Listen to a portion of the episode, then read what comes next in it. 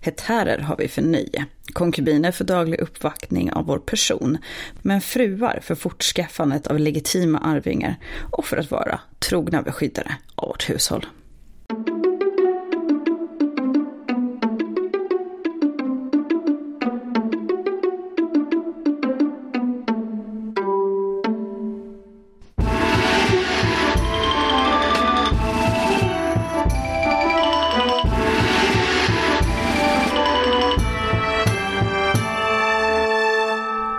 Välkommen till Podius Castus, en podd om antiken.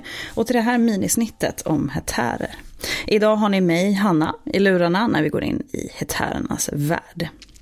Under antiken så var människohandel vanligt och en stor grundpelare i städernas och i den enskildes ekonomi. Och det var inte bara slavhandeln utan såklart även prostitution. Prostitution var ett yrke som alla andra och sex var en vara som alla andra. Och för er som har lyssnat på vårt avsnitt om manlig prostitution vet att det inte bara var kvinnor som sålde sina kroppar. Men just idag ska vi faktiskt fokusera på kvinnor och specifikt på hetärerna.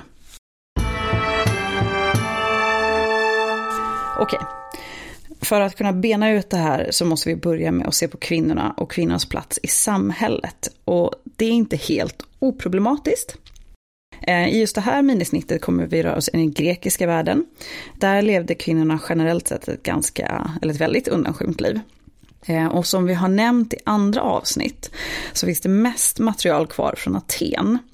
Och därför kommer även det här spegla det här minisnittet kommer spegla den bilden av just kvinnor och hetärer i Aten. Vi har oftast inte tillräckligt mycket material från andra platser. Eh, och som exempel kan man då nämna Sparta, som många har hört talas om. Eh, det var väldigt annorlunda.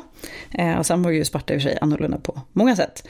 Det kommer vi ta upp i framtida avsnitt någon gång, för det är väldigt spännande. Men inte just idag. Vad är det då för material vi har kvar? Jo, eh, vi har ganska mycket skriftliga källor. Det kan vara lyrik, det kan vara komedier, ganska roliga faktiskt.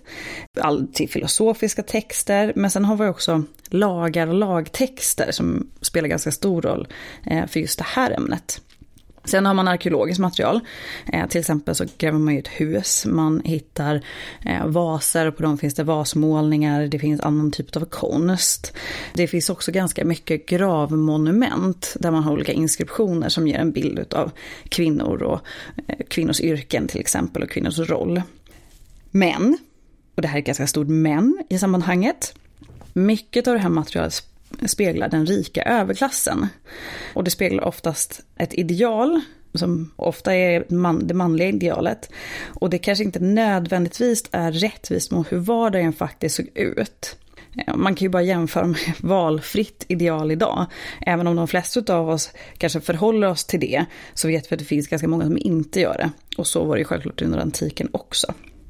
Och textmaterialet vi har, det har ju också gått genom ett filter. Eh, där den som skrev texten hade ju ett syfte. Komedi var det ju för att roa, var det en filosofisk text, var det för att diskutera någonting, eh, var det till exempel ett försvarstal eh, under någon typ av rättegång, då var det för att försvara eller svartmåla Och de flesta författare till de här texterna var kvar är män. Och därför kan det vara ganska vanskligt att ta dem för bokstavligt. Ibland är det svårt att veta vad som var personlig åsikt och vad som faktiskt var bara sant, en, en spegling av det den personen såg. Men vi ska ändå försöka måla. Eh, det blir ganska breda penseldrag och då målar vi ut efter det, det vi vet. Och då kan vi tänka oss att det såg ut så här. Kvinnorna i Aten, av den högre sociala statusen, hade ganska lite frihet. En atensk kvinna var inte ens fullständig medborgare, utan hon var omyndig. Hon var beroende av sin Kyrios, sin förmyndare. Eh, hon var helt utesluten från politiken. Det är kanske inte helt förvånande. Och till exempel så var det förmyndaren, vilket ofta var hennes far och för, hade han gått bort var en bror eller annan nära manlig släkting. Det var han som bestämde vem hon skulle gifta sig med och ville hon skiljas så fick förmyndaren sköta det. Eh, och från en tidig ålder så skulle unga flickor lära sig sköta hushåll. Vilket i sig inte alls är en liten eller obetydlig syssla. Men de skulle inte utbildas för att tycka och tänka. Den atenska kvinnan hon fick i princip endast umgås med andra kvinnor inom hemmets ramar. Antingen i sitt eget hem eller hos en annan gift kvinna.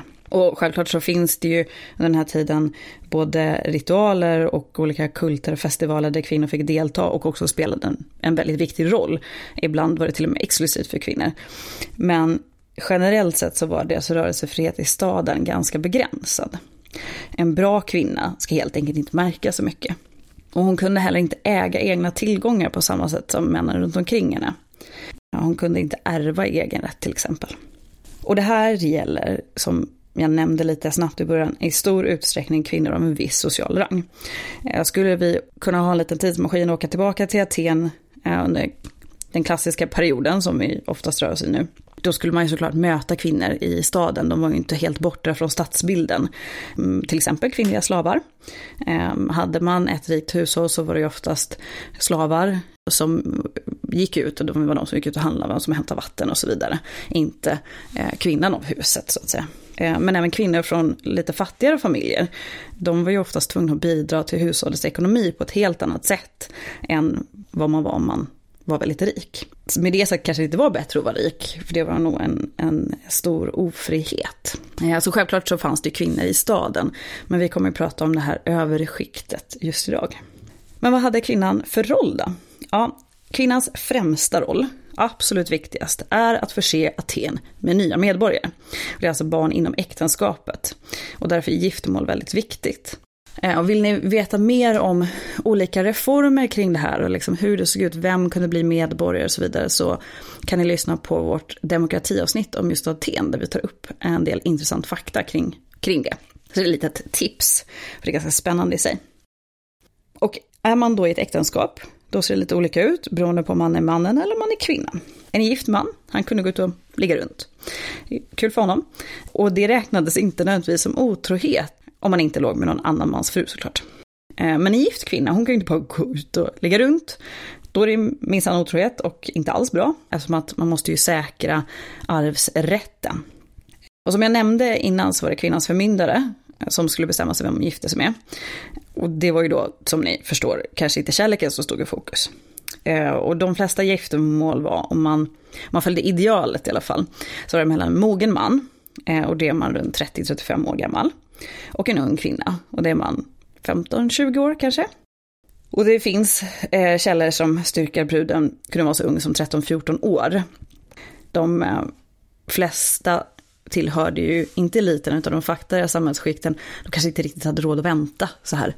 Bli 35 år är ju inte alla förunnat heller. Men den här åldersskillnaden måste ju såklart ha skapat en väldigt stor skillnad i parets kunskapsnivåer. Både på grund av möjligheter till livserfarenhet, eh, men också för att kvinnorna inte alls hade samma möjligheter till utbildning. Och vi ska komma ihåg att man räknas ju som vuxen mycket, mycket tidigare än vad vi gör idag. Men det blir fortfarande en ganska stor skillnad mot de här männen som har varit aktiva, aktiva i politiska livet, ute i samhället, mot kvinnan som levt i en väldigt skyddad miljö och ofta då också är ganska ung. Så en fru det är alltså något man har för att sköta hushållet och för att skaffa arvingar med. Inte för att umgås och föra intellektuella resonemang med. En hetär däremot, det var någonting helt annat. Tyvärr finns det ingen livsbeskrivning kvar från en kvinna som själv klassar sig som hetär. Eh, det som finns är omnämningar av hetärer från olika män, oftast, som är i citatet i början av det här avsnittet som vi kommer komma tillbaka till. Så är en hetär då? Jo, en hetär hon var prostituerad och utförde sexuella tjänster, men inte bara det. Hon skulle vara en följeslagare, en artist, en underhållare, en samtalspartner. Till skillnad från många andra kvinnor så hade hon tillgång till samhället, alltså mannens värld, på ett helt annat sätt. Till exempel så fick hon delta vid symposion, något som en ärbar gift kvinna bara kan drömma om. Och symposiet var, eh, som ni flera av er säkert har hört, det tillfälle då männen bjöds hem till en person och drack vin och åt. Symposium betyder att dricka tillsammans och vinet stod i centrum, bokstavligen. Eh, men det här är också ett tillfälle att prata politik, filosofi, knyta affärsmässiga och politiska band. Man spelade spel, man lyssnade på musik, man hade det allmänt ganska trevligt. Eh, och mer om just själva symposiet kan ni höra i vårt avsnitt om mat. Utöver att ett symposium säkert var väldigt en rätt så festlig tillställning att gå på får man ju ändå tänka sig. Så var det såklart också viktigt ur en politisk och affärsmässig synvinkel. Men båda de här aspekterna var alltså vanliga kvinnor uteslutna från, om man inte var just hetär. Då var man istället en viktig del av symposiet, en del av underhållningen. Hetären, hon kunde vara med och underhålla, till exempel genom att spela musik eller sjunga. Eh, men hon kunde också bidra med sin konversation. Och det förväntades att en hetär, hon skulle vara ett gott sällskap, hon skulle vara kvicktänkt, hon skulle vara sofistikerad.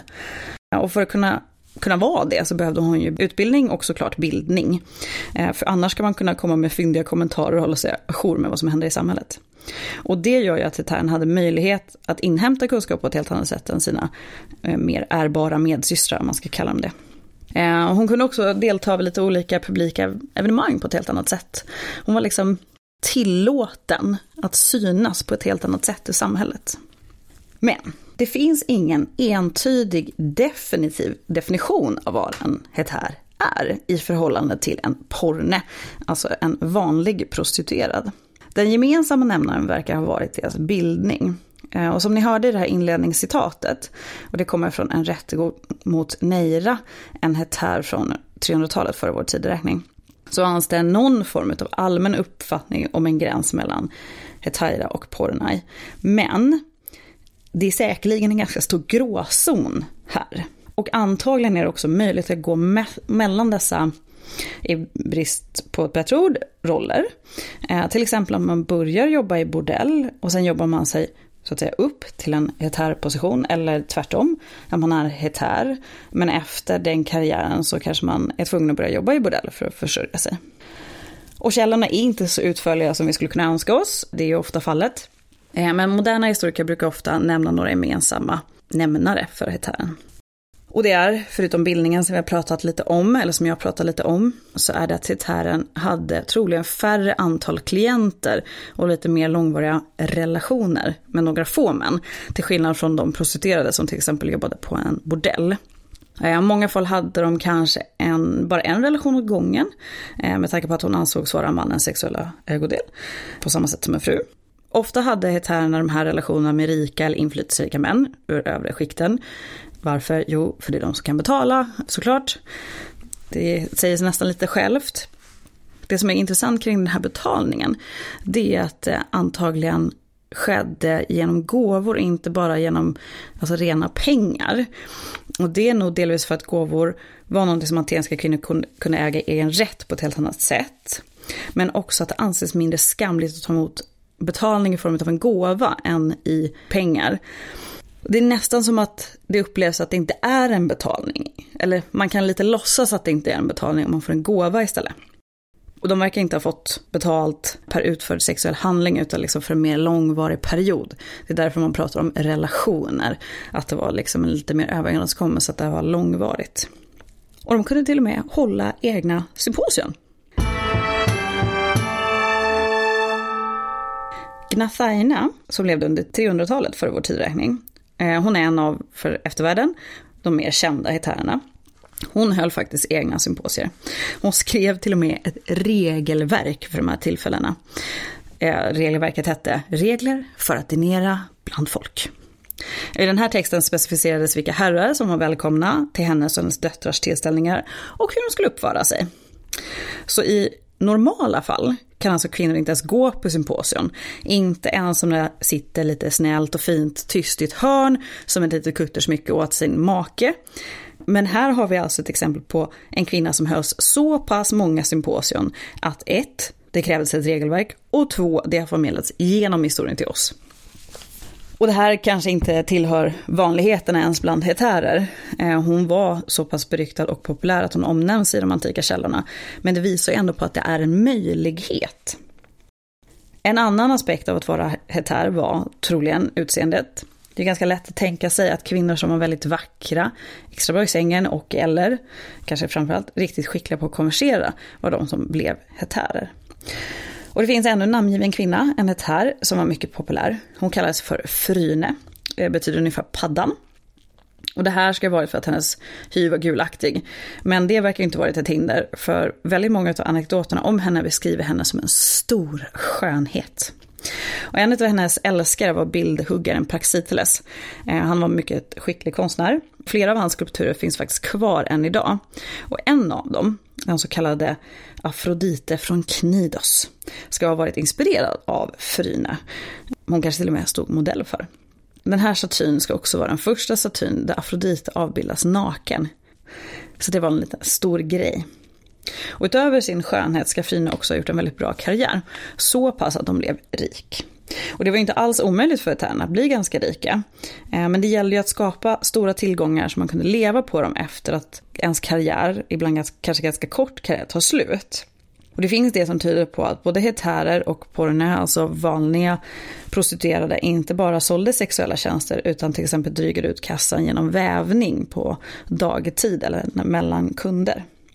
Och Det finns till och med texter som beskriver kvinnor som har ledsnat på allt slit vid vävstolen och den dåliga betalningen de fick. Och istället så sällar de sig till skaran i Afrodites tjänst, alltså som prostituerad eller hetär. Men hade man inte lyckats samla tillräckligt stora tillgångar eller kunde hålla i liv i sin karriär tillräckligt länge, mannen kanske dog eh, eller tröttnade, så kunde de behöva gå tillbaka till eller börja jobba på bordell. Vissa kanske också valde att bli bordellmamma och driva bordell istället. Men man kan nog tänka sig att livet som hetär var något bättre, om än kanske marginellt ibland, än livet som arbetare i bordell. Och sexuella tjänster var ju, ja, som jag nämnde, det var en vara, sex var någonting man sålde, så det var också beskattat som andra varor. Eh, ibland hade det en ganska hög skatt. Eh, så det här är ju helt lagligt under antiken. Ibland kan det vara lite lätt att fastna i fällan och tänka sig att livet som ett här, med en större möjlighet till att välja partner, eh, med möjlighet att delta i det intellektuella livet och med någon form av frihet, kanske var bättre än det avskilda liv som gifta kvinnor levde. Men vi ska nog vara ganska försiktiga med det. Vi har källor som beskriver tärer som försöker leva som är bara gifta kvinnor, men ingen omvänd situation. Och det är nog helt enkelt, de här två situationerna är helt enkelt svåra på olika sätt. Och allt beror nog väldigt mycket på vem man hade i sin närhet. Det finns ju såklart bevis som tyder på att det fanns relationer med ömsesidig kärlek och ömsesidig respekt. Eh, så att man ska nog vara försiktig att inte nödvändigtvis säga att det ena var mycket bättre än det andra. Det fanns aspekter som var bra och dåliga med båda. Men kan vi verkligen veta att det är just så här då? Det enkla och kanske tråkiga svaret är nej. Det finns forskare som inte alls är övertygade om den här bilden av hetärerna. En förklaring som har lagts fram är att man ska tolka begreppet hetaira som ogift sexuellt aktiv kvinna som inte tillhör ett hushåll, ett oikos, med ett manligt överhud. Det skulle alltså betyda att pornai, de prostituerade, var hetärer, alltså ogifta. Men en hetär behövde inte nödvändigtvis vara en prostituerad. Det finns antika texter som omnämner kvinnor som väljer att leva som änkor och på så sätt kunde rå över sig själva och sin ekonomi på ett helt annat sätt. Hon var alltså ägd av sig själv och kunde även ge bort sig själv i äktenskapsförhandlingar. Och det är inte alls svårt att tänka sig att inte alla kvinnor kunde gifta sig, eller ville för den delen. Och någonting måste de ju ha sysselsatt sig med, eller bör de ha sysselsatt sig med. Den rika eliten, när vi pratar om Aten eller antiken generellt är ju försvinnande liten. De allra flesta var ju fattiga eller någon typ av, jag vet man skulle våga kalla det medelklass, men inte rika i alla fall. Eh, och då är det rimligt att anta att ogifta kvinnor som inte tillhörde ett rikt hushåll var tvungna att jobba och framförallt om det kanske inte fanns en man. Det finns det som tyder på att ogifta kvinnor eller kanske änkor tog hand om flickor och uppfostrade dem. Så att det var hushåll med enbart kvinnor. För det var ju inte helt ovanligt att man satte ut spädbarn. Man kanske inte hade råd att ta hand om dem. Man kanske inte ville ha dem, mannen kanske inte ville ha en dotter. Det var han som bestämde såklart. Eh, och det fanns då vissa platser man kunde sätta ut sina barn där folk visste om det. Så att det var folk som gick och tog hand om de här barnen. Fick ju inte nödvändigtvis en ett bra liv för det, men de dog inte alltid. Och där finns det då saker som tyder på att det kan ha funnits en del hushåll med bara kvinnor. Och som jag nämnde tidigare fanns det ju alltså texter som beskriver hur kvinnor som väljer att lämna textilproduktion för att jobba som prostituerade. Och om det stämmer, så det faktum att de kunde välja att byta yrke, tyder på att de var fria och inte slavar. och tyder också på att de kanske inte är gifta. Så det är ganska intressant. Den typen av stigma som vi har idag kring att köpa och sälja sex fanns inte under antiken. Sexhandel var som sagt en handel likt alla andra. Det var lagligt, det skedde öppet. Och många högt ansedda män köpte sex. Och vissa levde till och med med prostituerade eller före detta prostituerade. Eller till och med gifte sig med folk som tidigare hade jobbat i sexbranschen. Faktum är att vi kan inte exakt veta hur det var. Om det var så att hetärer var en specifik typ av prostituerade som var en tydligt definierad grupp. Eh, om det är en term som vi har lite feltolkat. Om det var ett väldigt flytande begrepp redan på antiken. Det kan ju absolut vara så att det fanns kvinnor som var inte nödvändigtvis ville leva inom ramarna som var uppsatta för kvinnor. Eh, som var frispråkiga, som var intelligenta, som på något sätt fick möjlighet att göra någonting annat med sitt liv. Och de kan ha lämnat avtryck och tolkats som hetärer. De kanske sålde sexuella tjänster, de kanske fick gåvor, kanske män som gav dem gåvor. Det är inte helt otroligt att man gör det om man är i en kärleksrelation. Så det går helt enkelt inte riktigt att veta. För troligt är väl att det finns både och. Både kvinnor som levde utanför det manligt styrda hushållet och kvinnor som sålde sexuella tjänster. Och det var allt för idag. Du har lyssnat på mig, Hanna och Podius Castus. Om du har frågor eller funderingar får du jättegärna höra av dig till oss. Vi finns på podiuscastus.gmail.com eller följ och skriv till oss på Instagram eller Facebook. Men till nästa gång, på återhörande.